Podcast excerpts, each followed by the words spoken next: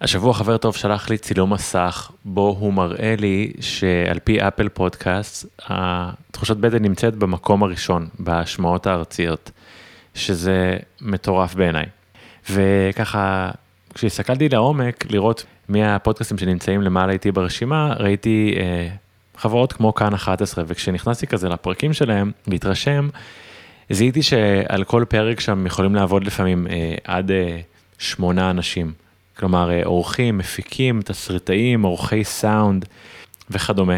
ואני עובד אה, לבדי על הפודקאסט, כלומר, חוץ מהמרואיינים, אני אה, מתאם, מקליט, מצלם, עורך, עורך את הסאונד, עורך את הווידאו, וזה מקור ענק לגאווה וזו הצלחה ענקית עבורי ואני מזכיר את זה לעצמי הרבה.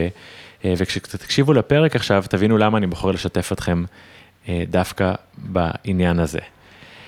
יקרות ויקרים, מקווה שהשבוע יתחיל בטוב. ברוכים הבאים לפרק חדש של תחושת בטן.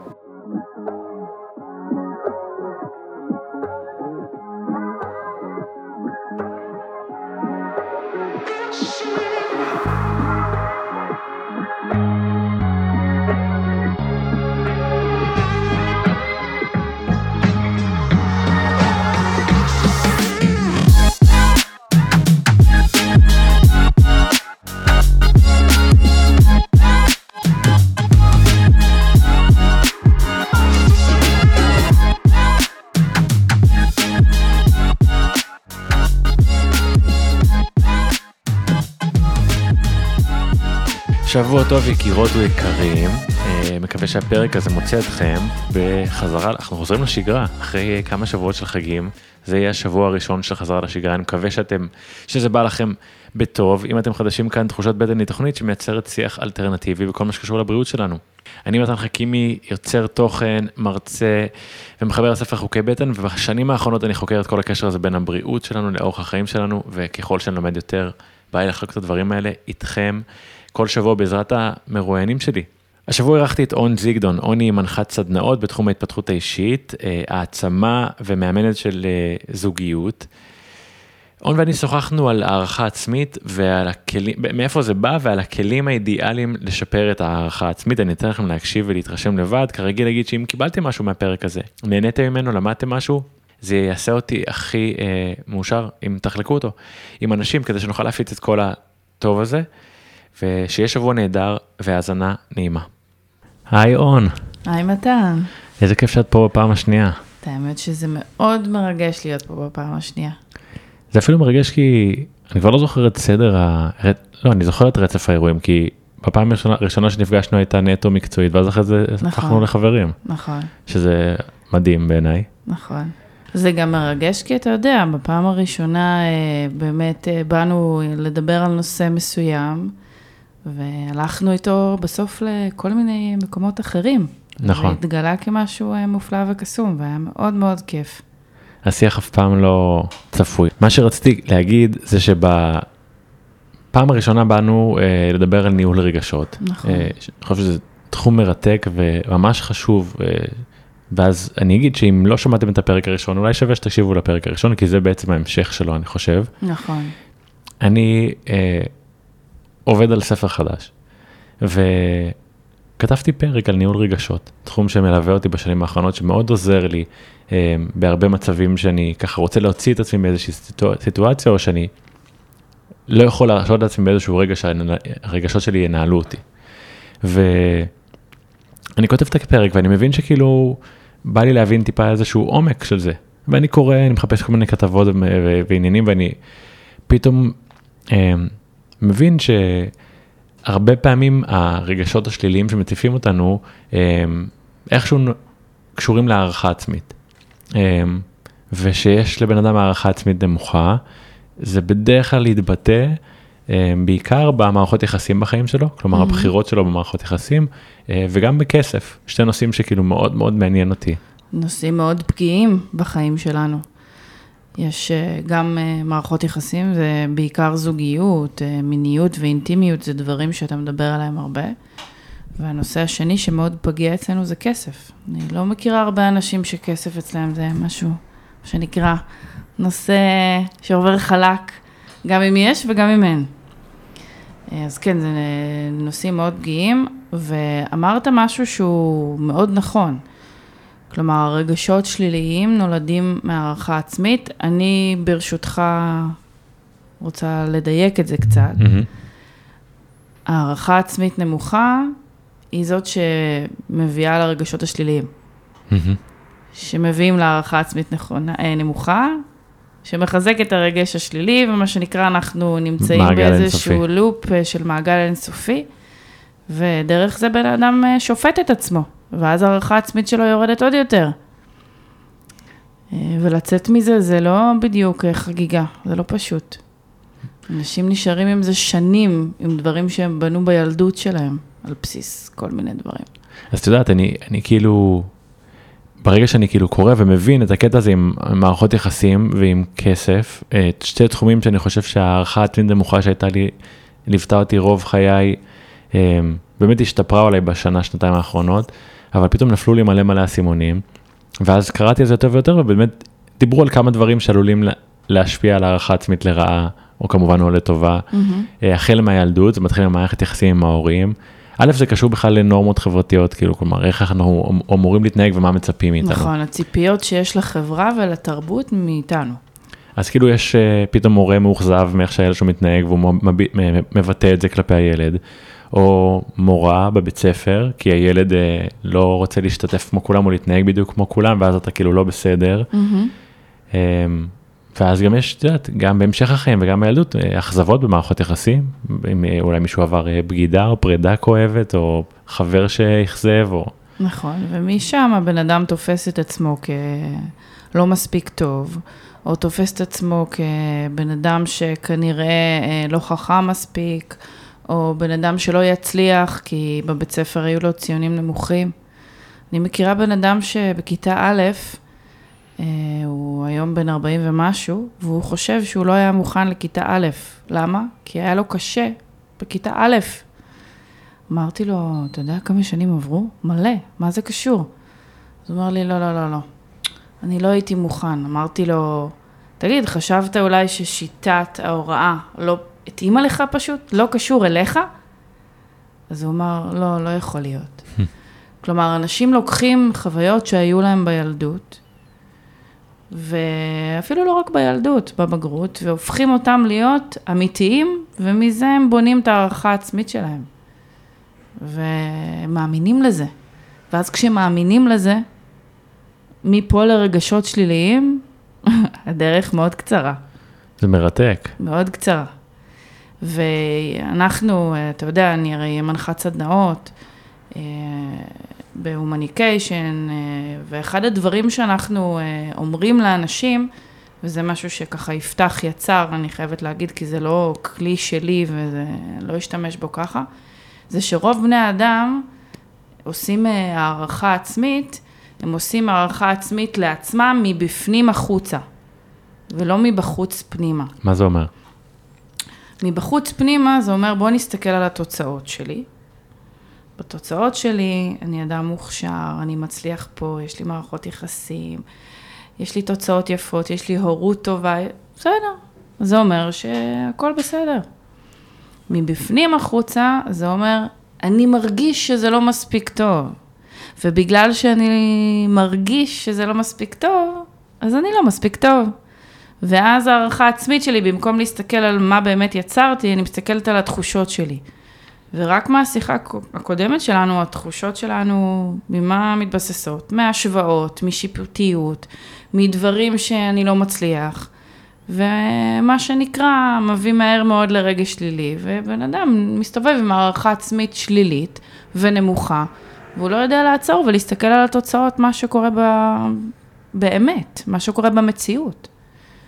אה, וסיפרתי לך רק אה, ממש לא מזמן על מה עברתי בשנה האחרונה, עשיתי איזה סדנה לפני אה, כמה שבועות, וקלטתי שבשנה האחרונה ביצעתי לעצמי הערכה עצמית שלילית, רק כי אין לי זוגיות, כי לא הצלחתי ליצור זוגיות. עכשיו, אתה יודע מה הקטע? הייתה לי זוגיות של תשעה חודשים, אני פשוט מחקתי אותה. על בסיס מה מחקתי אותה? על בסיס זה שכרגע אין לי זוגיות. Hmm. כלומר, לא הלכתי לתוצאות שיצרתי בשנה הזאת. הלכתי על מה שאין לי כרגע, ועל בסיס זה עשיתי לעצמי הערכה עצמית, וכמובן אה, שמיותר גם פה לציין שהרגשות שעלו מתוך הערכה העצמית האלה, זה לא רגשות חיוביים. והתהלכתי עם זה כמה שבועות, עם החרא הזה, סליחה על המילה. ואז מה, ואז איך את יוצאת מזה? מה את מבינה פתאום? עצרתי, והבחנתי באמת בתוצאות שאני יוצרת בחיים שלי. כלומר, עשיתי את ההערכה במקום מתוך הרגשות שלי, עשיתי שנייה רגע דרך ההתבוננות בעובדות. בהנחיה שלי שמשתדרגת, באימון, התחלתי לאמן זוגות בשנה האחרונה, ובאמת, טפו טפו, יש לי שפע ואנשים באים אליי המון. אין לי ערבים פנויים מרוב שאני עובדת כל ערב, כי אנשים רוצים לבוא לקליניקה שלי. אני סמנכ"ל בהומניקיישן, שבחיים לא האמנתי שבגיל הזה אני אגיע למשרה כזאת, ועוד בארגון שאני אוהבת כל כך. ההורות שלי מדהימה, הקשר שלי עם הילד שלי טוב. יצרתי גם זוגיות של תשעה חודשים, היא לא צלחה, אז מה? מה זה אומר? פשוט היא לא צלחה, כי זה לא הפרטנר ש... שכנראה אני צריכה להיות איתו. אבל מה זה אומר עליי? זה לא אומר עליי שום דבר. בטח לא שלילי, להפך. עברנו את הקורונה, השתדרגתי בכל מיני אלמנטים ודברים, אני מתחילה לעשות איזשהו תהליך אה, גם עם הכסף שלי. כלומר, בואנה, הכל טוב, אפילו הכל יותר מטוב, הכל מעולה. ופתאום קלטתי שהערכה עצמית שאיתה הסתובבתי, היא טעות. היא טעות כי היא מבוססת רגשית בלבד על מימד מסוים, שאני טוענת שלא עובד לי, אבל זה לא באמת נכון. ואם קצת נצא ממני, כי לא באנו לדבר רק עליי, ככה אנשים אה, מתנהלים בחיים שלהם. הם uh, עוברים את החיים, הם מסתכלים על עצמם דרך מערכת שיפוטית ודרך השוואות לאחרים או השוואות למה הם היו אמורים להיות כבר בגיל הזה. ואז הם מרגישים שזה לא מספיק טוב, והם מאמינים לרגש הזה, וממשיכים לחיות עם זה, עם אמונה שהם לא מספיק טובים, שהם לא מצליחנים, שהם לא כריזמטיים, שהם לא יכולים להוביל את זה, שהם לא יצירתיים, שהם לא מלהיבים, והם נשארים במקום שלהם ומאמינים, והרגשות השליליים מגיעים. וגם זה אותו דבר עם כסף. בן אדם שלא מאמין שהוא יכול לעשות כסף, בסופו של דבר יישאר בלא לעשות כסף. ואני לא הולכת למקום אה, של מחשבה בורא מציאות. זה קצת מעבר לזה. כשאתה לא מאמין שאתה יכול לעשות משהו, אתה לא תנסה אפילו לעשות אותו. אתה לא תפעל בגדול, אתה תפעל בקטנה. ואז כשאתה בקטנה, יש לך איזושהי תקרת זכוכית שאתה לא יכול לפרוץ אותה. ואתה נשאר במקום. אז בעצם אנחנו רוצים, אם אני אפשט את זה טיפה, כי לא לכל אחד יש גם את הרזומה שלך יש כרגע בחיים. נכון. אנחנו רוצים להגיע למצב שאנחנו עוזרים, רוצים לעזור לעצמנו לראות את הדברים הטובים שקורים לנו בחיים. אה, אולי אפשט את זה נגיד למילה שנקראת הצלחות. זה דרך אחת, יש עוד דרכים. זה לא רק את הדברים הטובים, זה לנסות להסתכל אובייקטיבית ועובדתית על מה שאנחנו יוצרים בחיים. כי יכול להיות שיש מקומות בהם אנחנו רוצים באמת, אה, אה, אתה יודע, להשתדרג, וזה בסדר. אבל מצד שני, לא להשליך את זה על דברים אחרים שאנחנו עושים טוב. כי אז מה שקורה, בן אדם לוקח את התחושה הזאת ואת ההערכה העצמית הזאת ומשליך אותה על הרבה דברים. כלומר, תחשוב, אני הסתובבתי בעולם הזה, ואני בכוונה אומרת בעולם הזה, אני מקצינה, עם תחושה שאני כישלון. למה אני כישלון? כי התגרשתי, כי אין לי עכשיו זוגיות, אני עוד מעט בת 36, מה קורה איתי? אני כישלון, עם כל מה שתיארתי לך שעשיתי בשנה האחרונה. איך יכול להיות? לוקחים נושא אחד שמאוד חשוב לנו, שם אנחנו לא מרוצים, לא משנה מה הסיבה. ואז לוקחים את זה, ומה שנקרא all over. אז קודם כל להסתכל על הצלחות. ואגב, פה, אם קצת נרחיב את זה ברשותך, mm-hmm. זה לא הצלחות גדולות, זה הדברים הקטנים. על האיכות חיים אה, מבחינה תקשורתית אה, שיש לי עם הבן בת זוג שלי או עם הילדים שלי. זה על הדברים שאני אוהבת שאני עושה בחיים שלי, בין אם זה ספורט, בין אם זה חברויות, בין אם זה, אה, יש אנשים שיש להם תחביבים כמו לגלוש. כלומר, כל הדברים הקטנים האלה. אז אני רק רוצה כאילו, כדי שנעזור למאזינים להמחיש את זה למשהו קצת יותר פרקטי. אני, אני משתמש בכלי אה, שלמדתי של הצלחות כבר הרבה זמן, לא, ב- לא באופן קבוע, כשאני לא משתמש זה מורגש, אני משתמש זה מאוד יפה. מורגש. המטרה היא לבוא ולקחת איזשהו זמן ביום, נכון. עדיף סוף יום נגיד, להגיד אוקיי, מה עשיתי היום? מה הצלחתי היום? מה עשיתי טוב היום? כן. מה מה לי- עשה לי טוב? מה עשה לי כיף? או אפילו, אנחנו תמיד אומרים שטעות זאת גם הצלחה. מהמם. כי אם אנחנו נזהה טעויות ולא נפחד מטעויות, נוכל גם אה, לתקן טעויות. מהמם. ונכון, סוף היום זה בהחלט טוב מאוד לעשות את זה. אני ממליצה על עוד זמן. כשאנחנו מרגישים לא טוב, שהרגשות השליליים נמצאים, מהמם. זה עוד זמן שכדאי לעצור ולהסתכל הצלחות. אני חושב בכלל שהכלי הזה הוא מדהים כי הוא, חוץ מזה שאתה מתמקד בהצלחות, אתה שנייה מתמקד בך. מה בעצם עשיתי היום? כאילו, כל כך הרבה דברים אנחנו יכולים לעשות והם יהיו כמובן מאליהם. קמתי בבוקר, סידרתי את המיטה, אה, עשיתי ספורט, אה, עזרתי למישהו בעבודה וכזה, כן, אבל זה מה שעושים. נכון. אבל זה לא מה שעושים, זה לא מובן מאליו. הרבה מהדברים שאתה עושה ביום יום הם לא מובנים מאליהם, ואם אתה שנייה איתם באיזושהי רשימה אפילו שאתה עושה, הפוטנציאל באמת להעריך את עצמך טיפה יותר גדלה, גם אם זה קטן. עכשיו, מה שאני אוהב בכלי הזה ממש זה שאתה יכול להתחיל בהצלחה מאוד קטנה, אבל כשאתה מזהה הצלחות קטנות, ואתה שם לב אליהן, וההערכה העצמית שלך עולה טיפה, פתאום ההערכה העצמית הזאת עוזרת לייצר הצלחות, נכון. באמת. לזהות לפעול- עוד לפעול הצלחות. גם, נכון. בדיוק. עכשיו, אחד הדברים שאנחנו אומרים אה, לגבי הכלי הזה, כי הוא כלי שאנחנו גם לפעמים מלמדים אותו ילדים, מהמם. זה שאנחנו לא רוצים ללכת להצלחות כמו הבנאלי, כמו שאמרתי, ההצלחות הגדולות, אלא לקחת את הדברים שאתה קורא להם במקומות מסוימים לוקחים כמובן מאליו, ולהתחיל באמת להבין שזאת הצלחה. כי לקום בבוקר, כל יום בשבע בבוקר, זה לא מובן מאליו. יש אנשים שזה לא עובד אצלם. מהמם. ולהיות בעבודה בזמן, זה לא מובן מאליו, כי יש אנשים שמאחרים כרונית. ולאכול מסודר לפי תפריט, זה לא מובן מאליו, גם אם אני עושה את זה 20 שנה. יש אנשים מסתכלים עליי, אני אומרת להם, אני כבר שנתיים בלי פחמימות וסוכרים, חושבים שהתחרפנתי. איך את עושה את זה? אני אומרת להם, אני כל יום מחדש בוחרת לעשות את זה. כלומר, זה הצלחות שאנחנו אולי עושים את זה בשגרה, אבל זה כל יום מחדש לבחור לעשות את זה, וכל יום מחדש זאת הצלחה שמגיע לנו להוקיר אותה. וככל שנראה, אגב, יש ב, ביום אלפי הצלחות. אלפי הצלחות. כי בעצם רוב הפעולות שלנו זה הצלחה, גם אם זו טעות, זאת הצלחה. כי אנחנו לומדים ממנה.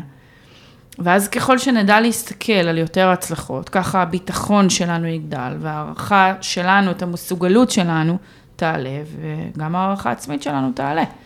ואז, למה אני אומרת שאני תמיד ממליצה אה, לעשות את זה כשיש רגשות שליליים? כי כשאנחנו ברגש השלילי, אנחנו מבצעים את ההערכה הרגשית הזאת.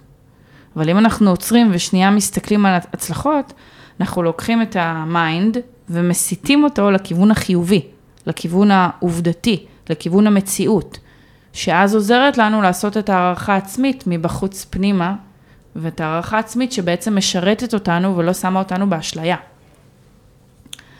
אגב, זה גם יכול להיות לכיוון השני, שיש לי הערכה עצמית שהיא חיובית, אבל היא אשלייתית. מה זה אומר?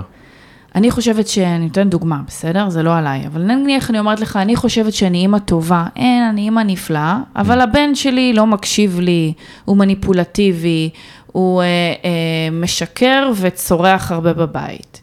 אז אני יכולה עד מחר לחשוב שאני אימא נפלאה, אבל אם הבן שלי לא מקיים את מה שאני רוצה להביא בהורות, אז האם אני באמת אימא נפלאה? אז בעצם אנחנו מדברים על סוג של אה, יושרה או כנות עם עצמך, אותנטיות. כאילו, אני חושב שזה תחום ממש מעניין שאני, יצא לי לחשוב עליו הרבה, אבל אה, כאילו כמה אתה כנה עם עצמך, כי אפשר לחיות את החיים האלה ולספר לעצמך איזשהו סיפור, ואני חושב שאם הוא לא מדויק, הוא מרחיק אותך גם מעצמך. נכון. וזה גם נכון. יכול ליצור הרבה תסכול וכאב. נכון מאוד, אבל יש בעיה אחת עם כנות, מה הבעיה? שאנשים לא אוהבים, יש לזה מחיר. אה, כן, יש לזה מחיר, אבל נראה לי שהרווחים הם, אה, הם אני. איתך, אגב, אני איתך, אבל המחיר של כנות זה לדעת להודות בטעויות, או לדעת להגיד, פה חשבתי שאני עושה נכון, אבל כנראה שטעיתי.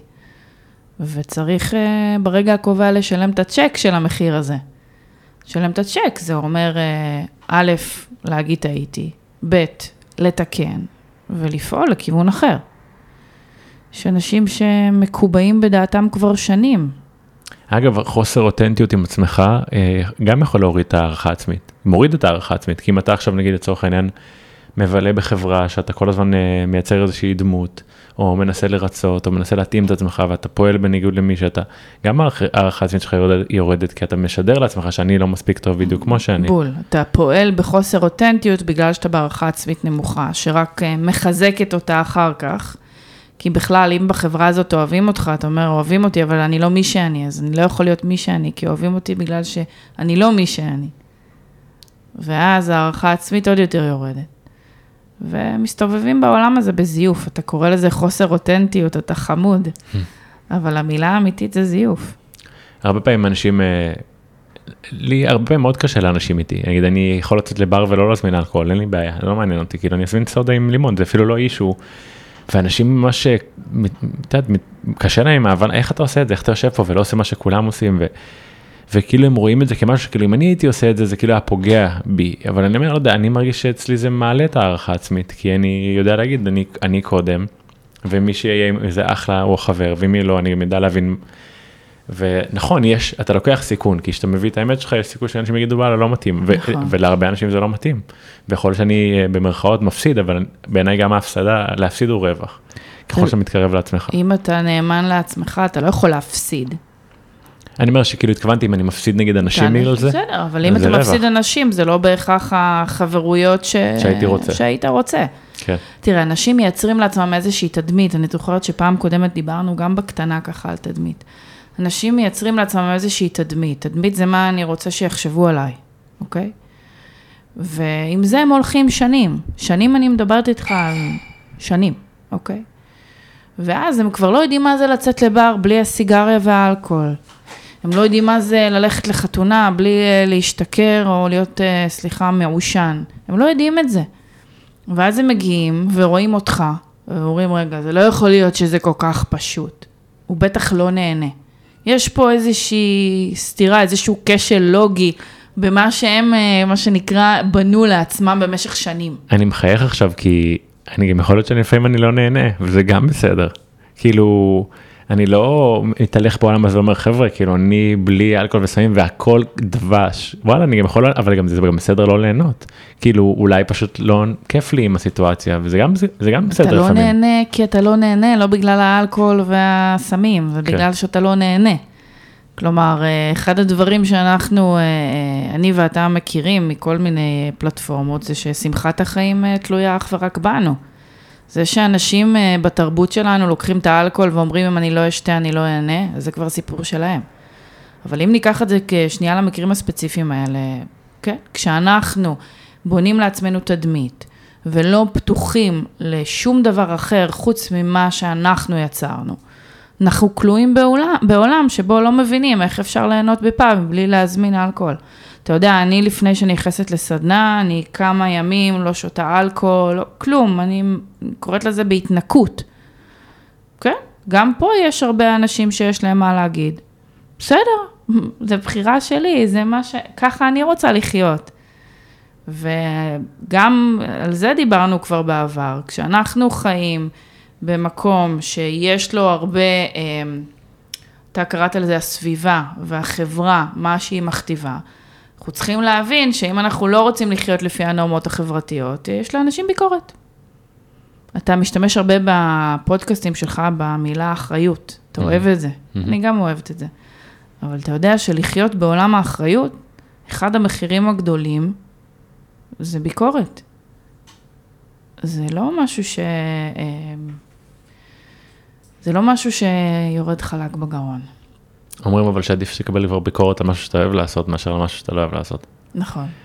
אני חייב על זה שכאילו יש גם באמת עניין עם ההצלחות שאחד מהדברים שגורמים לעניין של הצלחות להיות אה, באמת עוד דבר שהוא משפר את הערכה עצמית או ההפך זה באמת כאילו מהי הצלחה ברמה החברתית כאילו מה לימדו אותנו שהצלחה כלומר יש אה, מקצועות מסוימים שאם תלמד אותם או תעסוק בהם הם יותר הצלחה מאחרים. מערכות יחסים וכאלה אם אתה נשוי אם יש לך ילדים יש לך בית אם יש לך רכב מסוים. ו, ואז באמת כאילו קשה להעריך את הדברים הקטנים.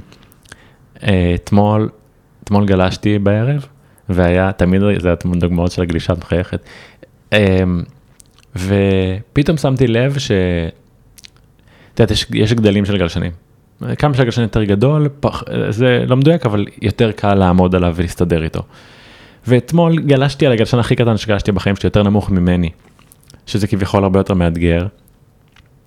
ופשוט אה, מצאתי את עצמי גולש ואומר, fuck, אתה כאילו, תראה איך השתפרת בגלישה, ואפילו נהנית מזה.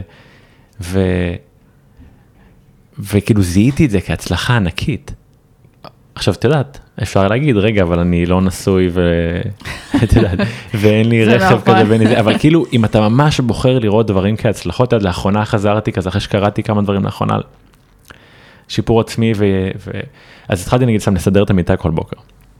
אה, מבחינתי זה להתחיל את היום עם הצלחה, זה להתחיל את היום עם איזושהי מטרה שהושלמה, ואז קראתי על זה עוד יותר, על, על ניואנסים קטנים, ואז אמרתי, אוקיי, אני, אני הולך לסדר אותה, מדהים, לא כאילו סתם זורק את השמיכה כמו שאני עושה בדרך כלל, אני הולך לסדר אותה, כי אם אני אסדר אותה טוב, אז גם כשאני אשב על הספר אני אשב ממש טוב, וכשאני אעשה כלים אני אעשה אותה ממש טוב, וכשאני אבוא לפודקאסט אני אשקיע ממש, ו...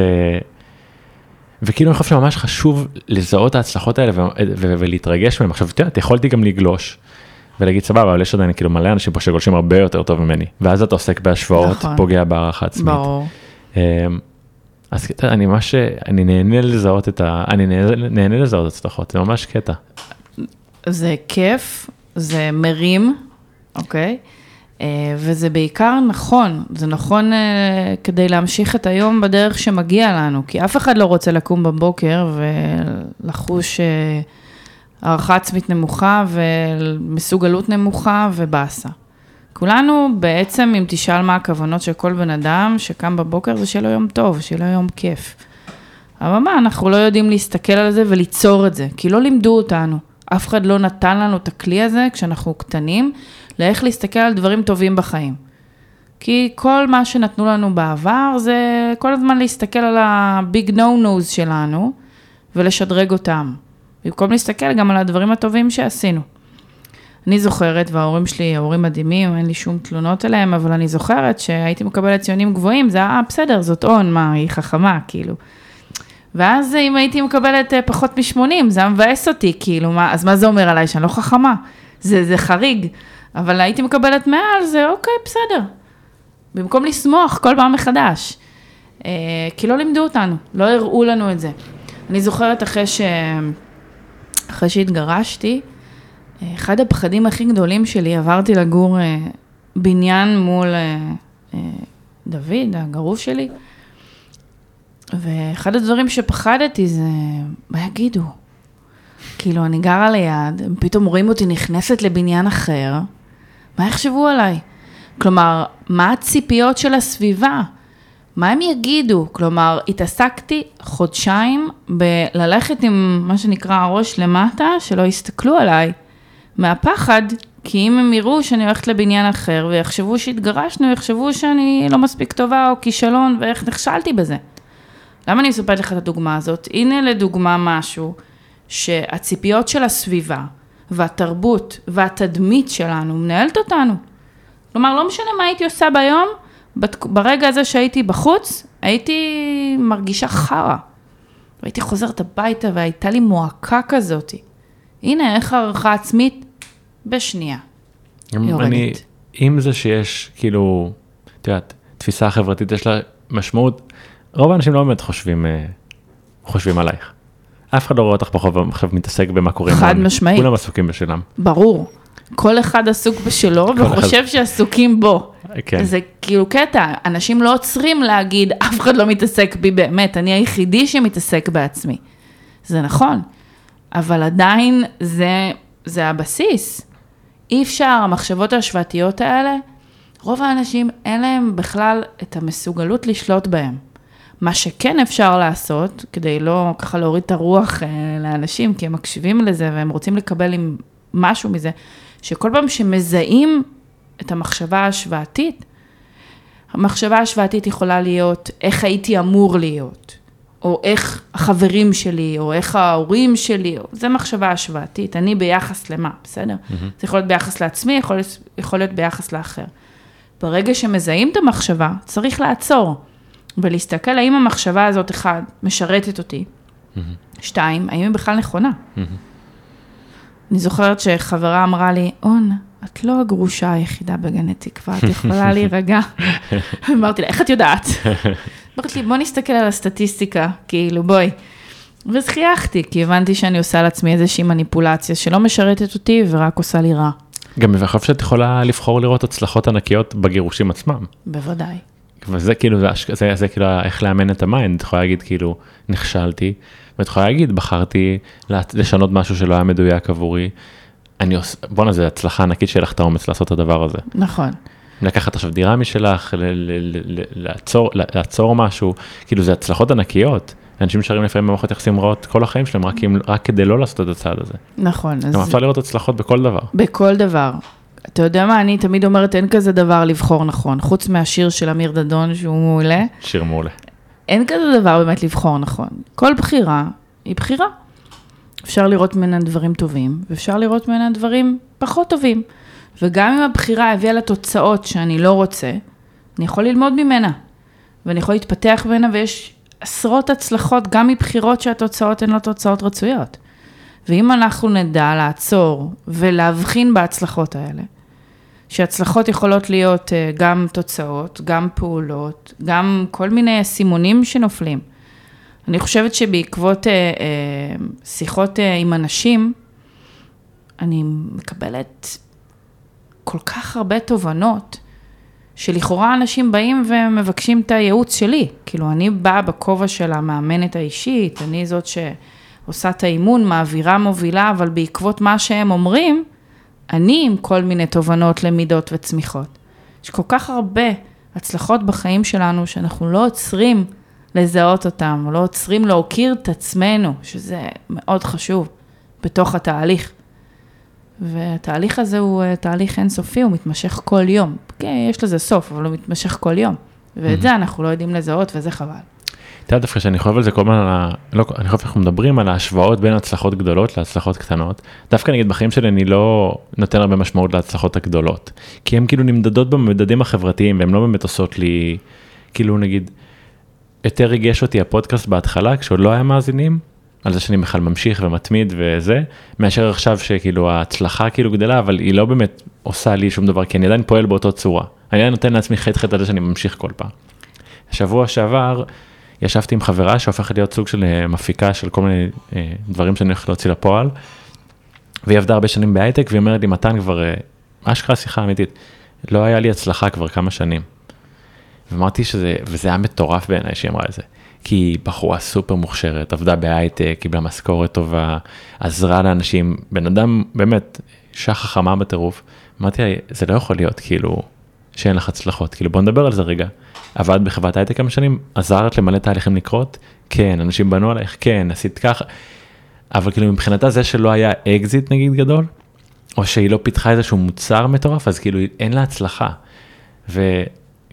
וה shift of mind פה הוא כאילו חשוב, כי אם אתה באמת רק מחכה להצלחות גדולות כמו אקזיט של פעם בחיים, או חתונה או זה, אז אתה מועד לחיות עם תחושת... אה, פספוס, כישלון, אה, אתה בעצם תסתובב כל הזמן עם איזושהי, אנחנו מדברים על זה דרך הערכה עצמית, עם הערכה עצמית נמוכה. כי הצלחות גדולות אין כל הזמן. ההצלחות היחידות שיש כל הזמן זה ההצלחות הקטנות. רק כמו שאמרת, הסביבה והתרבות לימדה אותנו שהצלחה זה הצלחה גדולה. אין דבר כזה הצלחה קטנה. יש רק גדולה, ואם אין הצלחה גדולה, זה לא הצלחה. לא הצלחת, אתה כישלון, הנה בבקשה הגעת דרך הלוגיקה בצורה מאוד מהירה, ללמה אם אין לי הצלחות גדולות, אני mm-hmm. לא מספיק טובה או כישלון. עכשיו אני אומר, בוא נגיד שהיא תגשים את האקזיט. עוד עשר שנים יהיה לה את האקזיט עם הכתבה בעיתון ויהיה לה את הבית הענק בסביון והכל יקרה. אבל מה, עשר שנים לא תזהי הצלחות בדרך לשם? כאילו תחי עם הערכה עצמית נמוכה, כי את עדיין יכולה לעשות אקזיט ולחיות עם הערכה עצמית נמוכה. אחד הדברים המסוכנים זה שאנחנו מתנים את הערכה העצמית שלנו בסמלים פיזיים. Mm-hmm. כי מספיק שסמל פיזי אחד לא מתרחש, אז בעצם אני לא, זה לא טוב, זה לא מספיק טוב לי. Mm-hmm.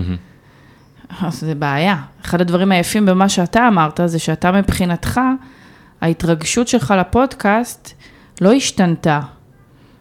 ההתרגשות שלך היא בעצם בהתאם למה שאתה מביא, mm-hmm. אותך, זה משהו שהוא ערכי, פעולה ערכית או פעולה של מי שאתה. וזה לא קשור לכמה מאזינים יש. זה משהו שאתה לא מתנה, אתה לא מתנה את, ה, את ההגשמה שלך בפודקאסט במספר המאזינים של כל פרק. נכון. כשהם, או שאנשים, או שהיא לצורך העניין, מתנה את ההגשמה שלה ואת ההערכה שלה במשהו פיזי, היא בבעיה. כי היא הופכת להיות כלואה בתוך הדבר הזה. כי רק אם זה יתקיים, אז מה זה אומר עליי? וזו טעות. וזה, לצערי, הרבה אנשים אה, מחזיקים בעמדה הזו. ואז הם כולאים את עצמם. פשוט כלואים בתוך כלוב. של סמלים פיזיים שהם אמורים להראות שהם טובים. טוב, תשמעי, את יודעת, אתה נכנס ל... אם נראה מאיפה אנחנו מקבלים את כל התפיסות ואמונות האלה, זה בדרך כלל מגיע, כאילו, לא שלא היה, אה, את יודעת, לא, לא שלא ניהלנו שיחות כאלה בעבר, אבל אם אתה מסתכל היום, סתם, לצורך העניין, בטלוויזיה, אתה רואה פרסומת, והבן אדם המוצלח בפרסומת נוהג ברכב יוקרה. כאילו, כלומר, כמעט כל דבר שאנחנו צופים בו, אתה תראה, אתה תיכנס לחדשות עכשיו ולא תהיה כתבה על אה, מתן שהתחיל פודקאסט שיש לו 100 מאזינים כי הוא רוצה לעזור לאנשים, אלא תהיה כתבה על האקזיט הגדול. כלומר, כל התכנים שאנחנו נחשפים אליהם, נכון. המאוד רדודים, שהם נועדו רק כדי לערער לנו את הביטחון. בסופו של דבר, עולם הפרסום נועד לערער לך את הביטחון כדי שתרצה לצרוך. לחזק צורך מסוים כדי שתרצה לצרוך את זה. כן, ואז כאילו אתה כבר משייך את השעון או את טלפון של אפל, או אגב, וגם אני סובל מהדברים האלה, כן? זה לא שאני... ברור. אבל כלומר, כאילו, אם יש לי אייפון, ואם יש לי אה, מרצדס, ואם יש לי בית פרטי, אה, זה מעיד על הערך העצמי שלי, שבסופו של דבר אני לא חושב שזה באמת כאילו מצליח. נכון. אני חושב שזה מעיד על הערך העצמי, אבל מה שאנשים לא מבינים, שברגע שהם אה, יקבלו את מה שהם אה, רוצים, את הבית בסביון, אז הם ירצו משהו אחר, ועדיין יהיו במרדף, וכל עוד הם במרדף, הם לא מספיק טובים והם לא מרוצים מספיק. וברגע שהם יבינו שהערכה עצמית והצלחות נובעות הרבה מעבר לסמלים הפיזיים, הם ידעו בכל רגע, גם ברגעים הפחות כיפים והפחות uh, עשירים בעין, הם ידעו לאהוב את עצמם, להעריך את עצמם, להוקיר את עצמם. להבין מה התרומה שלהם בעולם הזה, ותרומה, אני לא מדברת על מי שעוזר לאנשים גם, גם מי שעובד בהייטק יש לו תרומה לעולם. ברור. זה לא אה, שבלוני הדבר הזה. אה, וברגע שהם ילמדו אה, להסתכל אחרת על הדברים, יהיה להם הרבה יותר חופש. כי בעצם זה לא יהיה מותנה בכלום, זה יהיה תלוי אך ורק בהם. שזה נראה לי קצת מפחיד. למה זה מפחיד? שההערכה העצמית שלי תלויה בי. כי אז אין את, אין את מי להאשים. מה את חושבת על ה... אני פשוט, אני יודעת, אני חושב על זה שיש המון דברים שמשפיעים על הערכה עצמית. מה את חושבת על האנשים שסובבים אותך בחיים? כלומר, גם להיות בסביבה של אנשים שלא נכונה לך יכולה לפגוע בהערכה עצמית, לא חושבת? בוודאי. זה בעצם אה, נגזרת של הסביבה, החברים והזוגיות ו... מקום עבודה, אתה יודע, כמה אנשים שאני מכירה במקום עבודה, בדיוק דיברנו על זה. אנשים קמים בבוקר, רוב האנשים שאני מכירה. יצאתי עם חברים לטיול, אני אתן דוגמה ואחזור למה שרציתי להגיד. אוקיי. Okay. וזה היה בחג. ו... ואז הם אמרו, יואו, איזה כיף ש... שחול המועד מחר, לא צריך לחזור לעבודה. אני מסתכלת עליהם, אני אומרת, כן, אני מנחה מחר 12 אה, שעות, אז אמרו לי, מה, את עובדת מחר? אמרתי להם, כן. יואו, איזה באסה, הם אמרו לי. הסתכלתי עליהם, אמרתי, ממש לא באסה, אני כל כך נהנית מזה, אני כל כך אוהבת את זה. רוב האנשים סביבנו הם אנשים שהם לא אוהבים את העבודה שלהם, או לא אוהבים ללכת לעבודה, אני לא יודעת, את אה, סביבת העבודה הם לא אוהבים. ואז אה, הסביבה היא זה מה שבעצם גורם להם לבאסה, לתחושת מרמור. ודרך זה מה אתה חושב, הם מעריכים את עצמם יותר? מעריכים את עצמם פחות. לא כיף להם, רע להם, ממורמרים, תחושות שליליות, הערכה עצמית נמוכה. זה, זה... מכאן נובע, כמו שאומרים. זה תמיד נשמע כמו דבר ש... כאילו, לדבר, כאילו לא נעים לדבר עליו, כי אתה אומר, בואנה, בן אדם עובד עכשיו בעבודה שהוא לא אוהב, מה אני עכשיו אתקע לו עכשיו כאילו את ה... את יודעת, אני, אעקוץ, כאילו זה כמו לעקוץ אותו, מצד שני, אני באמת חושב שכל אחד... אה, את יודעת, העבודה זה החיים שלנו בסופו של דבר, אם אתה חי בעולם המערבי ואתה מקשיב לזה, אתה, עבודה זה 80% מהחיים שלנו, היא מעסיקה אותנו גם שאנחנו לא שם. נכון. ועדיף שהעבודה שלך תהיה משהו שאתה אוהב לעשות, נכון. לפני כסף, לפני מעמד, לפני הכל.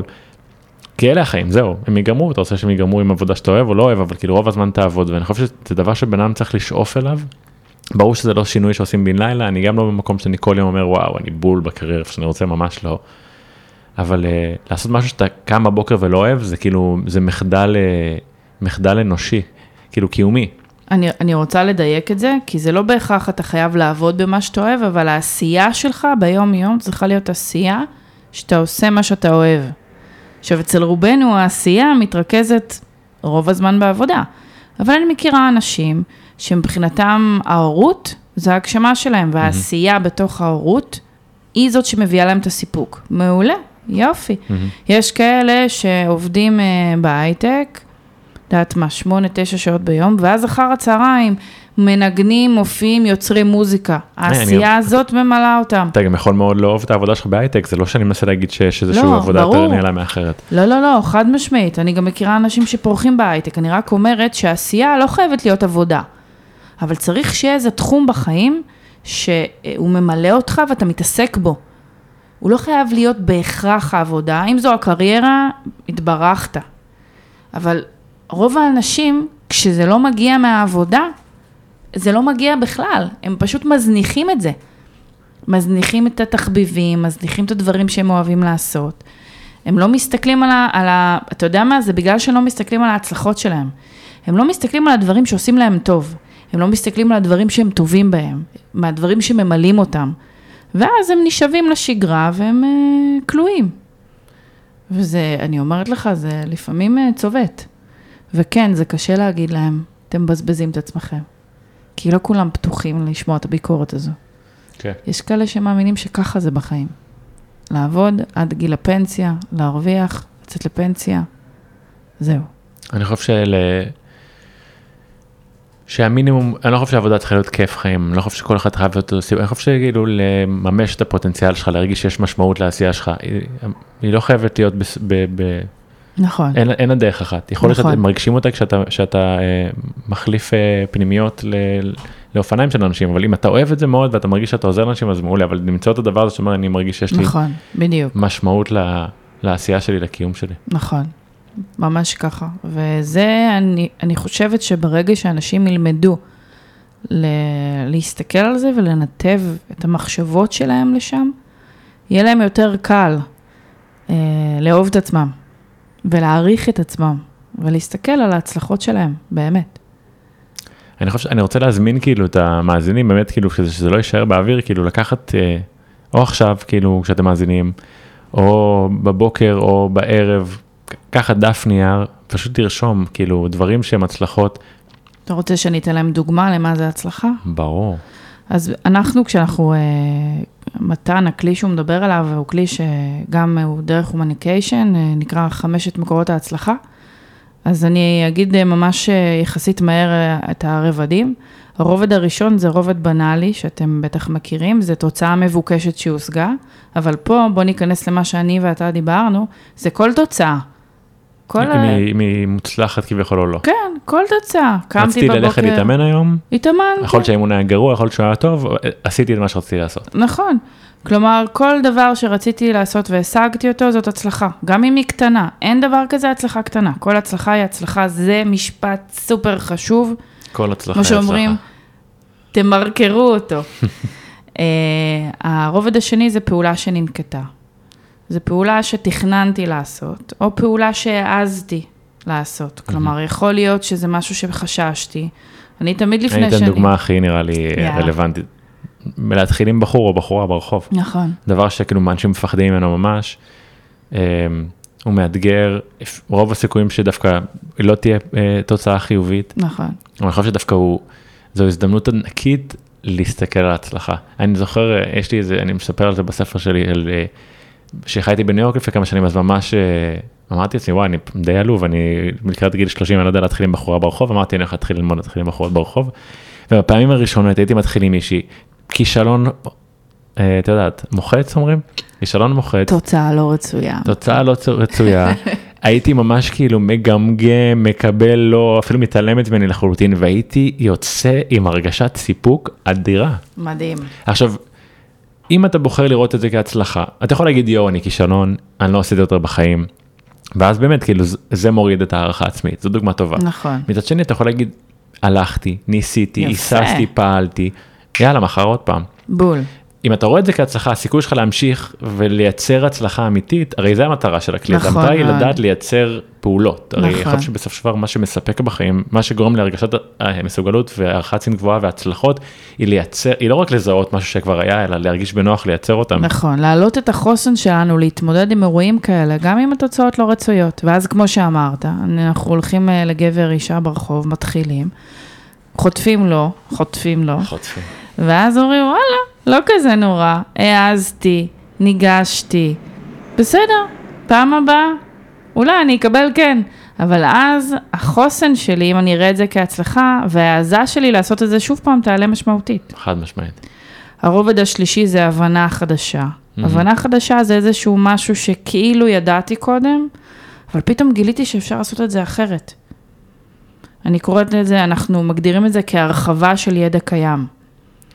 אני תמיד נותנת את דוגמת ה-Waze. לפני ה-Waze היינו נוסעים לאמא ואבא בדרך אחת, פתאום בא ה-Waze וגילה לנו שיש 200 אלף דרכים להגיע לאותו מקום, והוא כנראה יותר מהר, כי אין שם פקקים.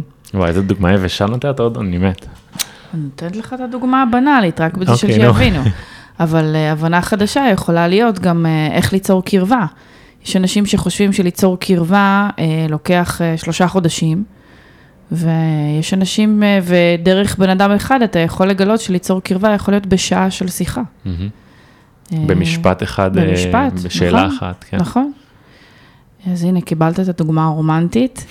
אה, הרובד הרביעי של ההצלחות זה תובנה חדשה. זה משהו לגמרי חדש, שבחיים לא חשבת עליו. פתאום קלטת אותו. תובנה חדשה יכולה להיות באמת סוג של כזה, שיט, אף פעם לא ראיתי את זה ככה. לא חשבתי בחיים שאני יכול לעשות כך וכך וכך. זה יכול להיות משהו שמישהו למד מהפרק הזה. ממש ככה. הנה, ככה. כבר קיבלתם הצלחה. אני חינם. זוכרת ששמעתי אחד מהפודקאסטים שלך שאמרתי, אוקיי, אף פעם לא חשבתי על זה ככה. זה משהו שקשור לזוגיות, ולקחתי את זה. אה, אז זה באמת אה, תובנה חדשה. אה, והרובד האחרון, שזה מה שדיברנו עליו קצת, אז אני לא ארחיב, זה טעות מזוהה. ברגע שאנחנו מזהים את הטעות, אנחנו יכולים לתקן אותה. כל עוד לא נזהה את הטעות, אנחנו יכולים לעד לחזור לאותה טעות. מהמם. ורוב האנשים לא אוהבים לדבר על טעויות שלהם. רוב האנשים, מה שנקרא, מסתירים את הטעויות שלהם. ועצם זה שאנחנו נדע להוקיר בזה כהצלחה וללמוד מזה, אז אה, יהיה לנו הרבה יותר קל ואנחנו גם לא נתבייש בזה, ואז הערכה עצמית שלנו תגדל. להודות בטעות זה דבר שהוא נורא קשה, אבל כשאתה עושה אותו הוא מספק בטירוף. נכון. אתה יוצר גם המון קרבה עם הבן אדם שאתה מודה אתה בפניו. מנקה על את עצמך. יש לזה משהו, אה, תהליך כזה של ניקיון כזה, שאתה שמרת משהו ככה בבטן, אמרת אותו, יותר קל. יותר קל להתמודד, הכל על השולחן, לא צריך להסתיר כלום, אתה גם ביחד, אתה יכול ליצור אה, מערכות תמיכה ושותפויות יותר טובות דרך זה. אה, כן, ולמנף את ההצלחה, או למנף את זה להצלחה. אני חושב שאם אה, מדברים על תובנות חדשות, אז לפני כמה חודשים, לפני חודשיים, היה לי איזה הקלטה של פודקאסט שבסוף לא אה, הושמעה, אבל הבאתי מרואיין סופר אה, מיוחד, איש מבוגר בעולם המשפט והפילוסופיה, ודיברנו על קבלת החלטות, המסר לא הצליח לעבור, אבל באיזשהו שלב, ממש בסוף השיחה, אה, הוא דיבר על איך להתקרב לעצמך בתור בן אדם, והוא אמר שאחד מהדרכים לעשות את זה זה לשאול את עצמך שאלות. אה, הוא, השאלה הכי חשובה הוא אמר שכאילו היא למה.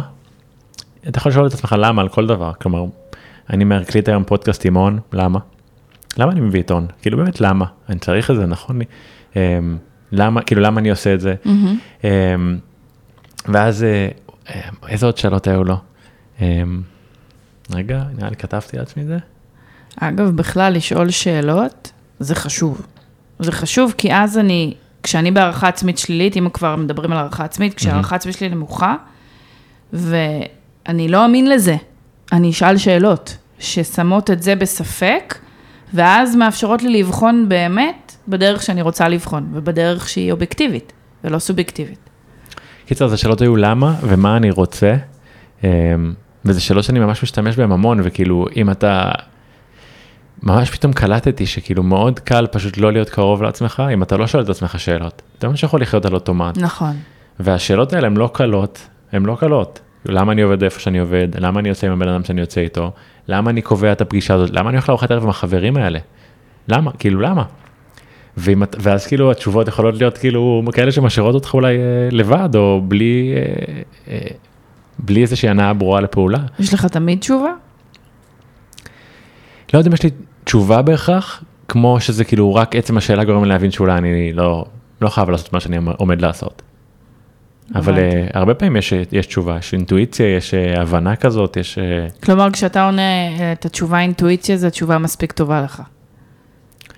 אמ, תשמעי, אני, אני עדיין ממשיך לטעות, כן? כאילו אני ואת עכשיו אה, יום שבת, שני באוקטובר, חמש ואחת עשרה בערב, ומחר אני אמור לשדר את הפרק הזה, כי עשיתי החלטה לא טובה השבוע, וראיינתי מישהי שבשיחה איתה מראש, כאילו כבר הרגשתי שזה לא מדויק מדי, ו...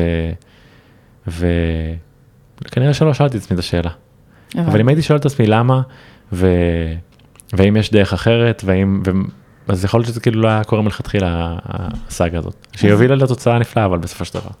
זיהיתי- טעות, הבאתי עיתון לפה. יצא לך טוב, יש לי שבת פנויה. אז אמרנו מה השאלות, למה והאם אני רוצה?